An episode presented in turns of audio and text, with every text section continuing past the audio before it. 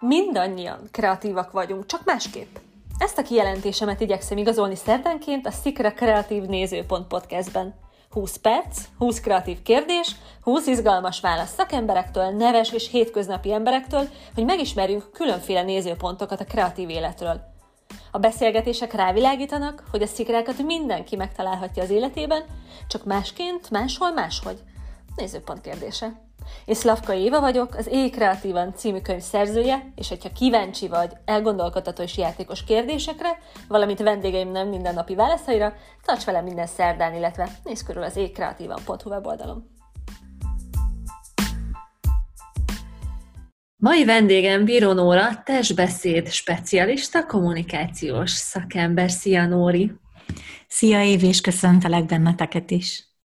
Az Ékreatívan könyvbe a Vedd kezedbe az életed irányítását című fejezethez írtál magvas gondolatokat, így egy ehhez a fejezethez kapcsolódó kérdéssel szeretnék nyitni, amit majd 19 másik rendhagyó kérdés követ. Készen állsz? Igen, igen. Kíváncsian várom. Mit csinálsz, hol és hogyan, amikor kreatívnak érzed magad?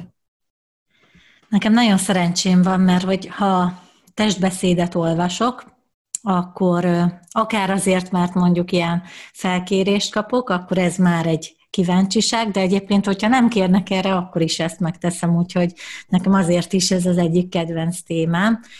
Úgyhogy ekkor mindenképp, de egyébként, hogyha bármilyen új projektbe kezdek, és ötletelek, és jutok valamire, akkor is mindenképpen kreatívnak érzem magam. Képzeld el most, hogy egy alternatív világban élsz, és megnyitni készülsz egy kis üzletet. Mit árulnál benne, és mitől lenne ez a kis üzlet különleges ebben az alternatív világban? Nekem van egy olyan hitem, hogy mindenki, mindenkinek van szerepe ezen a világon, ebben a földön, és hogy mindenki megtalálhatja a saját maga kis szenvedét, amit igazán szeret csinálni, úgyhogy én ezt így árulnám névre, személyre szabva. Hó menő. Hogyan főzöl? Ezt a kérdést még mielőtt feltenném neked, az egyik szikrás Facebook csapattag tette fel, méghozzá Tűrizita, és pontosan így hangzik, hogy hogyan főzöl. Minden tele van edényekkel, alapanyagokkal, és csak a végén raksz rendet, vagy folyamatosan minden művelet után egyből pakolsz, mosogatsz, és milyen párhuzamot mutat ez az életed más területeivel? Hát amikor elkezdtem így főzni, sütni, akkor, akkor az volt, hogy a főzés végén kupi lett, és utána rájöttem, hogy sokkal jobb ez a menet közben való elpakolás, mosogatás, úgyhogy erre áttértem, és nagyjából így az életem is ezt a párhuzamot mutatja, hogy, hogy egyébként én, én inkább egy ilyen szervező egyéniség vagyok, aki így halad és jön, megy, és kreatívkodik, és, és inspirál másokat, meg engem is lehet jól inspirálni, de hát igen, a, a, a pontos precizitás, a rendszerezés az van, hogy elmaradt, és igen, akkor lesz valaki sikeres, hogyha ezt kettőt szerintem így össze tudja párosítani. Úgyhogy, úgyhogy igen, tehát most már az életemben is elpakolok. Hol van a helye a kíváncsiságnak, a játéknak az életedben? Itt is abszolút a, a testbeszéd jut eszembe, tehát ott mindenképp. De azt gondolom, hogy minden, ami egy, egyfajta kihívás, azt, azt én igyekszem inkább játékként felfogni, vagy hogyha azt látom, hogy valaki az én ötletemet valósítja meg, akkor én azon gondolkodom, hogy milyen új ötlettel lehet előjönni, és ez is egyfajta játék nekem. Következő kérdés szintén egy csoporttaktól jött, még hozzá Angyal Réka Sárától, aki azt kérdezi, hogy ha lenne egy tündér, aki tehetséget osztana, akkor te mit kérnél tőle, Nóri? Hú, ez jó kérdés. Hát olyan tehetséget, az olyan jó lenne, mondjuk minden nyelven felsőfokon beszélni, vagy mondjuk minden hangszeren, hát mondjuk ott is azért egy legalább mondjuk készségszinten játszani, úgyhogy, úgyhogy ilyesmi. Mi lelkesít jelenleg annyira, hogy vállalod akár a vele való járó negatív dolgokat is? Én azt látom, hogy mindenki, aki kilép és megmutatja magát, akár posztok formájában, akár bejegyzésekben, videókban, előadásokon, az vállalja azt, hogy valamilyen negatív visszajelzés is lehet. Úgyhogy nálam jelenleg ez, ez mind az előadásokon, tréningeken megvan, de most például ugye most már egy másfél éve aktívan a LinkedIn felületet használom posztolásra, és igen, ott benne van a, az a veszély is, hogy negatív kommentek jöhetnek, de én ezt vállalom, mert én azt látom, hogy ebben van van, vala, van a másik oldalon egy olyan, amikor én adhatok ezzel, és ennek meg sokkal nagyobb a hatása rám, mint, a, mint ezekkel a negatív dolgokkal foglalkozni, és a félelmeimmel foglalkozni. Képzeld el, hogy létrehoztál egy titkos szövetséget. Mi lenne a beavatás, vagy beavatási szertartás?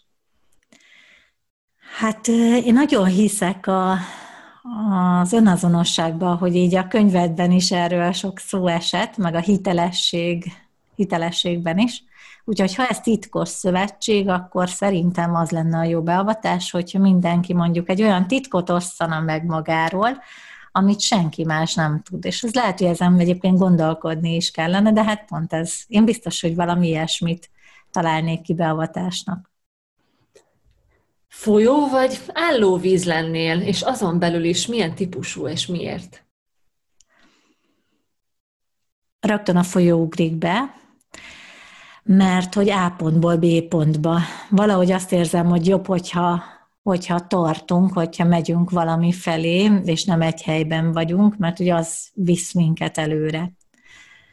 Hmm, hogy azon belül milyen? Hát én azt gondolom, hogy hogy nyilván azért befolyásolja az időjárás, néha magasabb a szint, néha alacsonyabb, és ez, ez nagyjából az életben is így van. Nóri, a párod szerint, szerinted mi a legszerethetőbb tulajdonságod? Korábban beszélgettünk már, és hasonlót feltettem neki, ő egyébként nem szereti, hogyha ilyen lelkis témákról beszélünk, ugye ez viszonylag ritka, de feltettem, és akkor valami ilyesmit mondott, hogy a figyelmesség. Tehát, hogy akár, akár hogyha megyünk A pontból B pontba, és látom, hogy mondjuk ő neki melyik könyv keltette föl az érdeklődését, akkor azt így megjegyzem, és akkor amikor úgy érzem, hogy eljött az idő, akkor meglepem őt. De lehet, hogy nem kifejezettem mondjuk ünnepekkor.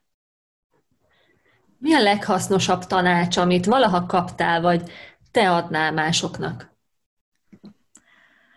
A szüleimtől igazából nem csak tanácsként kaptam, hanem ezt is látom tőlük minden nap, meg gyerekkoromban is ezt láttam, hogy ha kapsz valamit, akkor azt viszonozd, és így az üzleti életben is az, a, ami nálam a legjobban bevált, és én ezt tanácsolnám, hogy előbb adj te, és hogyha mi adunk, akkor előbb-utóbb biztosan vissza is kapunk belőle. Gondolj most, Nori, kérlek egy olyan problémára, nem kell nagy volumenűnek lenni, de mondjuk egy konkrétan megfogható problémára, ami mondjuk az elmúlt egy hétben foglalkoztatott téged, és mondjuk meg is oldódott. Megvan? Még megvan. Miért? Abszolút megvan. Röviden írd le, hogy mi ez, és a kérdésem arra vonatkozik, hogy szerinted hogyan oldódott volna ez meg egy Disney mesében? Ó, ez nagyon izgalmas. um, hát ez nem olyan probléma, amit szívesen megosztanék a hallgatókkal. Úgyhogy lehet, hogy egy másik problémát kéne kitalálnom. Okay. Ezen gondolkodom, de hát mindig van valami ilyesmi. Szerintem lehet, hogy valamilyen kisebb problémával is lehet kisebb problémával is lehet gondolkodni.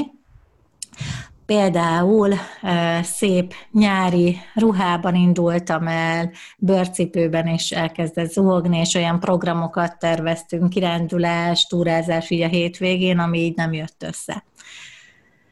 És hát én hogy oldottam meg? Hát más programokra átszerveztem, úgyhogy azok is abszolút jól működtek. Hát egy Disney mesében meg biztosan valamilyen óriás konfliktus lett volna szerintem belőle, mondjuk elhagyom az egyik pár vagy a fél cipellőmet, uh-huh. és aztán valaki utána azt hozza, és talán mi az eső miatt egy, egy palotában folytatjuk, és természetesen happy end a vége itt is. Mi az a testbeszéd, amire mindig figyelsz, vagy megfigyelsz másokon, és miért?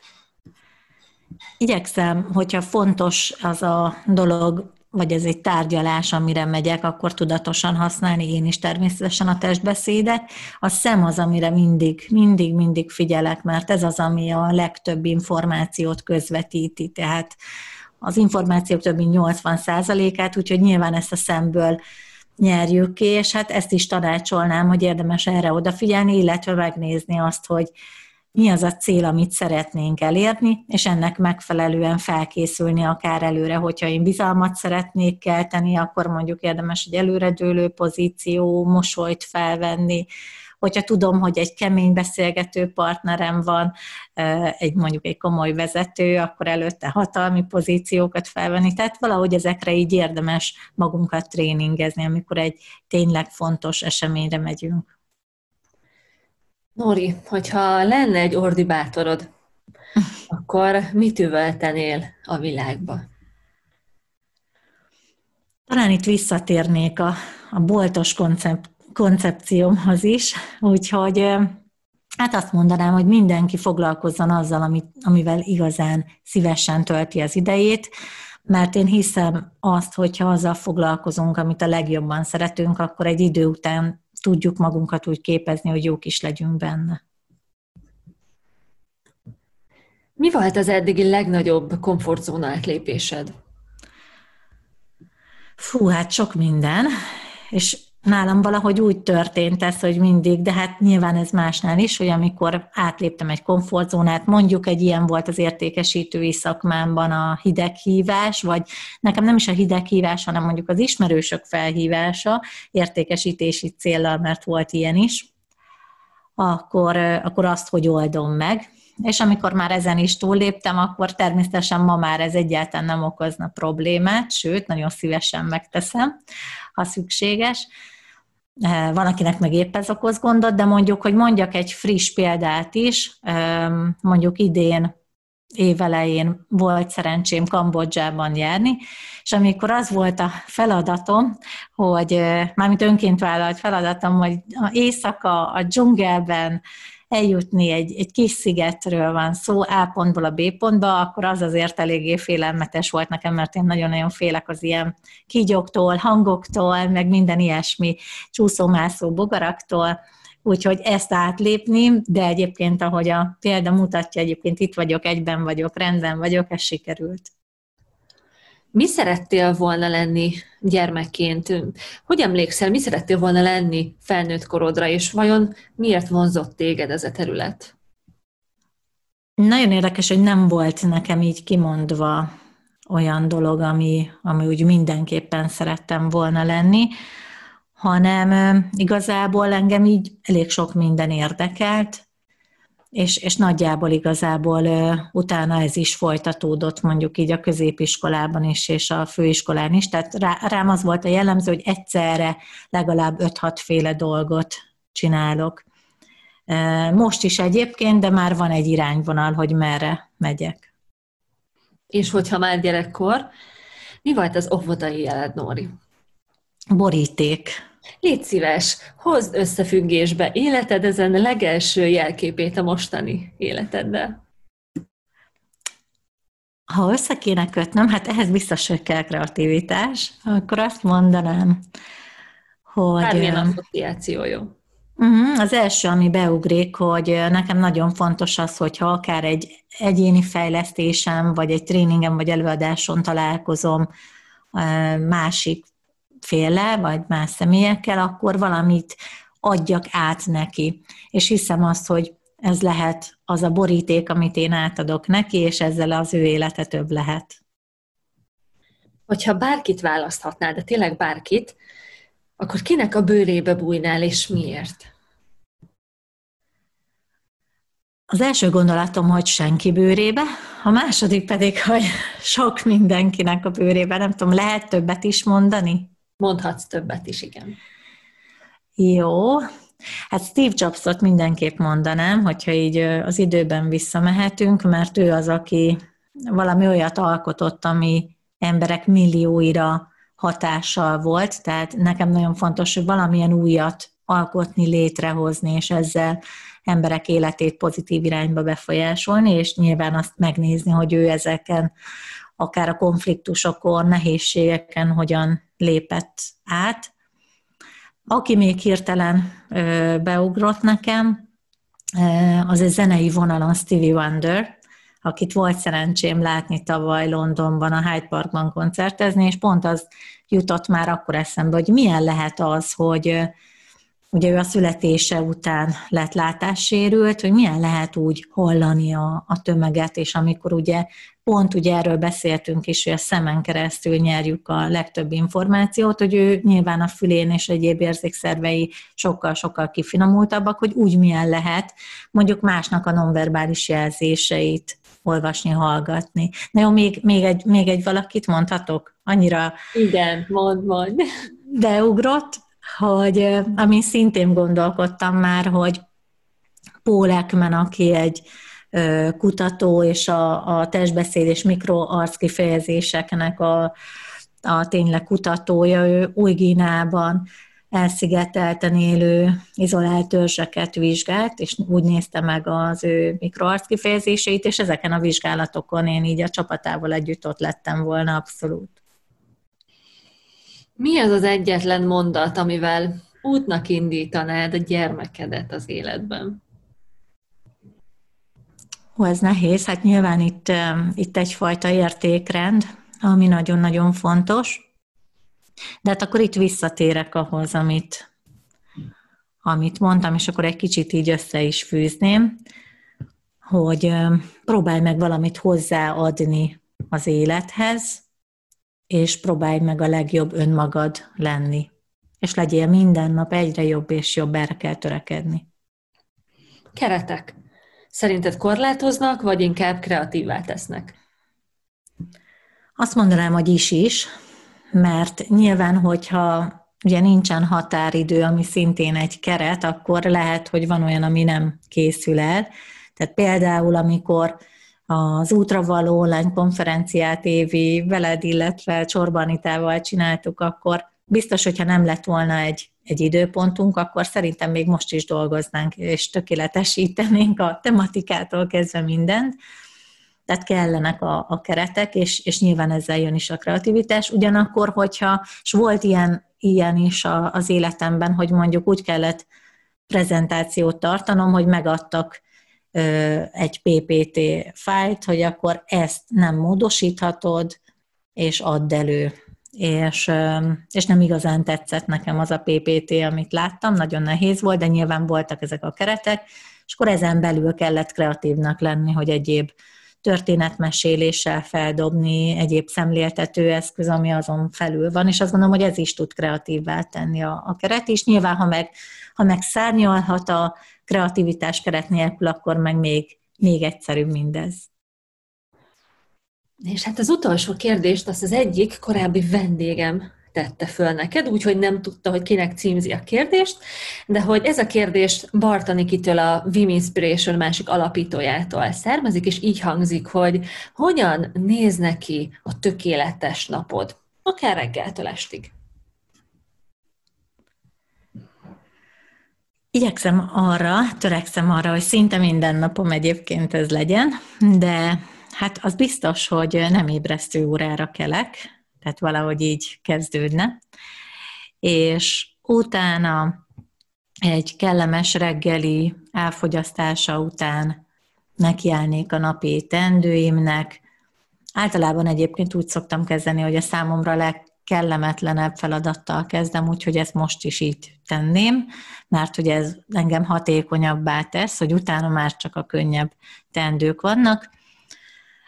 Majd ebédre mindenképpen valamilyen partnerrel, akár a, a akár magánéleti partnerrel, akár üzleti partnerrel tölteném az ebédet, majd utána a munkát folytatnám, ami lehet egy tréning, lehet egy előadás, bármi, ami így engem is feltölt, és remélhetőleg aki hallgatja, őt is feltölti. Utána fölvennék egy podcast adást, akár veled Évi például, majd majd valamilyen kikapcsolódásként, valamilyen kulturális eseményen vennék részt. És hát lehet, hogy este pedig elmennék még valamilyen szórakozó helyre, mert ilyen már régen volt, már mint hogy valamilyen koncertre. Mondjuk egy Stevie Wonder koncertre ismét. És hát a beszélgetés végén szeretnék kérni tőled is egy rendhagyó kérdést, amit majd a következő vendégnek teszek fel, úgyhogy beépítem a másik 19 kérdés mellé, és a nevedben tenném föl. Mi lenne ez a rendhagyó kérdés? Említette Dévi, hogy lesz erre ö, alkalom, hogy én is mondjak egy kérdést, és gondolkodtam, gondolkodtam, hogy mi lenne jó, és eszembe jutott, és ezt most neked így, mert mi látjuk egymást, megmutatom, hogy megtaláltam általános iskolából egy kérdezős füzet, ez a neve.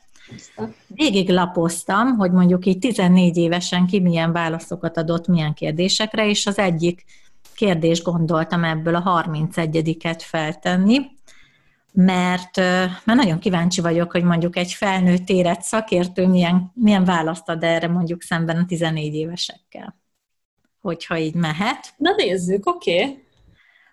Ha tudnád, hogy egy éven belül meg fogsz halni, változtatnál le az életeden? Ha igen, akkor mit? Ó, wow, ez elég komoly kérdés. Oké. Okay. Kíváncsi leszek a válaszra. Hát köszönöm, Nóri, nagyon szépen köszönöm, hogy nyitott voltál a kérdésekre, és hogy behoztad a te nézőpontodat. Volt esetleg neked olyan kedvenc kérdés, amit szerinted te is megkérdezel másoktól? Biztosan, most hirtelen így az jutott eszembe, ez az ordibátor, ez egy jó kifejezés. Az ordibátoros kérdést mindenképp föltenném. Kedves szikra hallgatók, tegyetek ti is így, vigyétek tovább a kérdéseteket, vagy csak a kedvenc kérdést. Jövő szerdán jön az újabb adás, addig is iratkozzatok fel a kedvenc podcast lejátszótokon, és nagyon köszönöm, hogyha Apple Podcaston csillagoztok és írtok visszajelzést, sokat számít. Szikrázó hetet, sziasztok!